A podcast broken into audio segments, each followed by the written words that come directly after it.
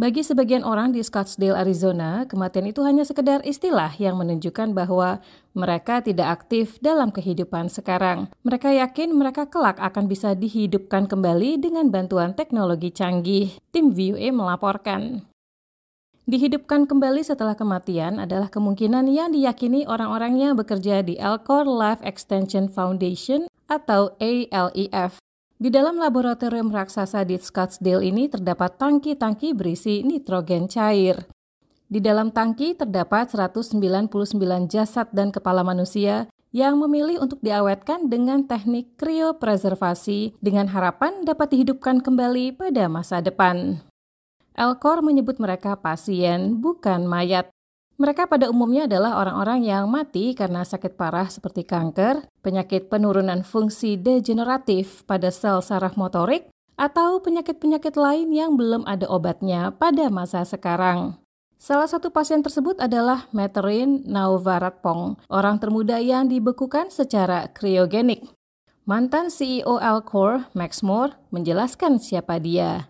Little girl from Thailand who had brain cancer Both her parents were doctors and she had multiple brain surgeries and nothing worked unfortunately. Seorang gadis kecil dari Thailand yang menderita kanker otak.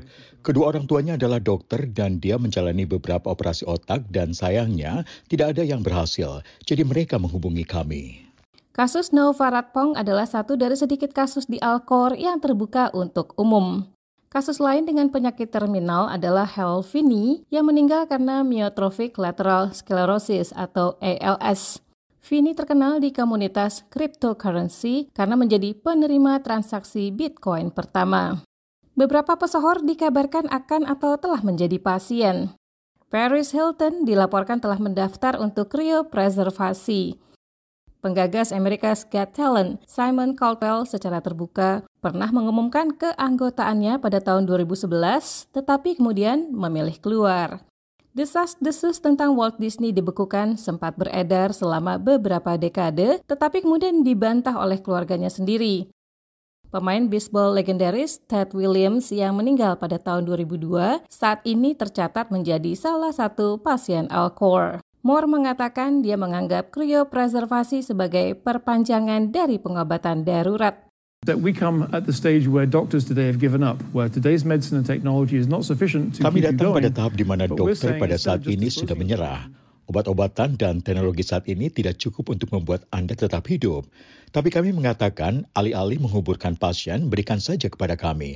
Kami akan menstabilkan mereka, mencegah mereka mengalami dekomposisi, dan mempertahankan mereka selama yang dibutuhkan, sehingga teknologi memungkinkan mereka untuk dihidupkan kembali. Natasha Vita Moore, istri Max Moore, juga satu dari 1.392 orang yang masih hidup dan telah mendaftar untuk diawetkan. Namun futuris dan penulis ini mendaftar hanya untuk otaknya. Artinya hanya otaknya yang akan diawetkan dengan kriopreservasi, sementara bagian tubuh lainnya akan dikebumikan sebagaimana jenazah pada umumnya. Alcor tidak hanya menerima manusia sebagai pasien, tapi juga hewan peliharaan. Sejumlah orang kaya dilaporkan mengawetkan anjing kesayangan mereka di sana. Dr. Arthur Kaplan, Direktur Divisi Etika Medis dan Profesor Bioetika di Fakultas Kedokteran Universitas New York, mengaku pesimistis atas ambisi Alcor.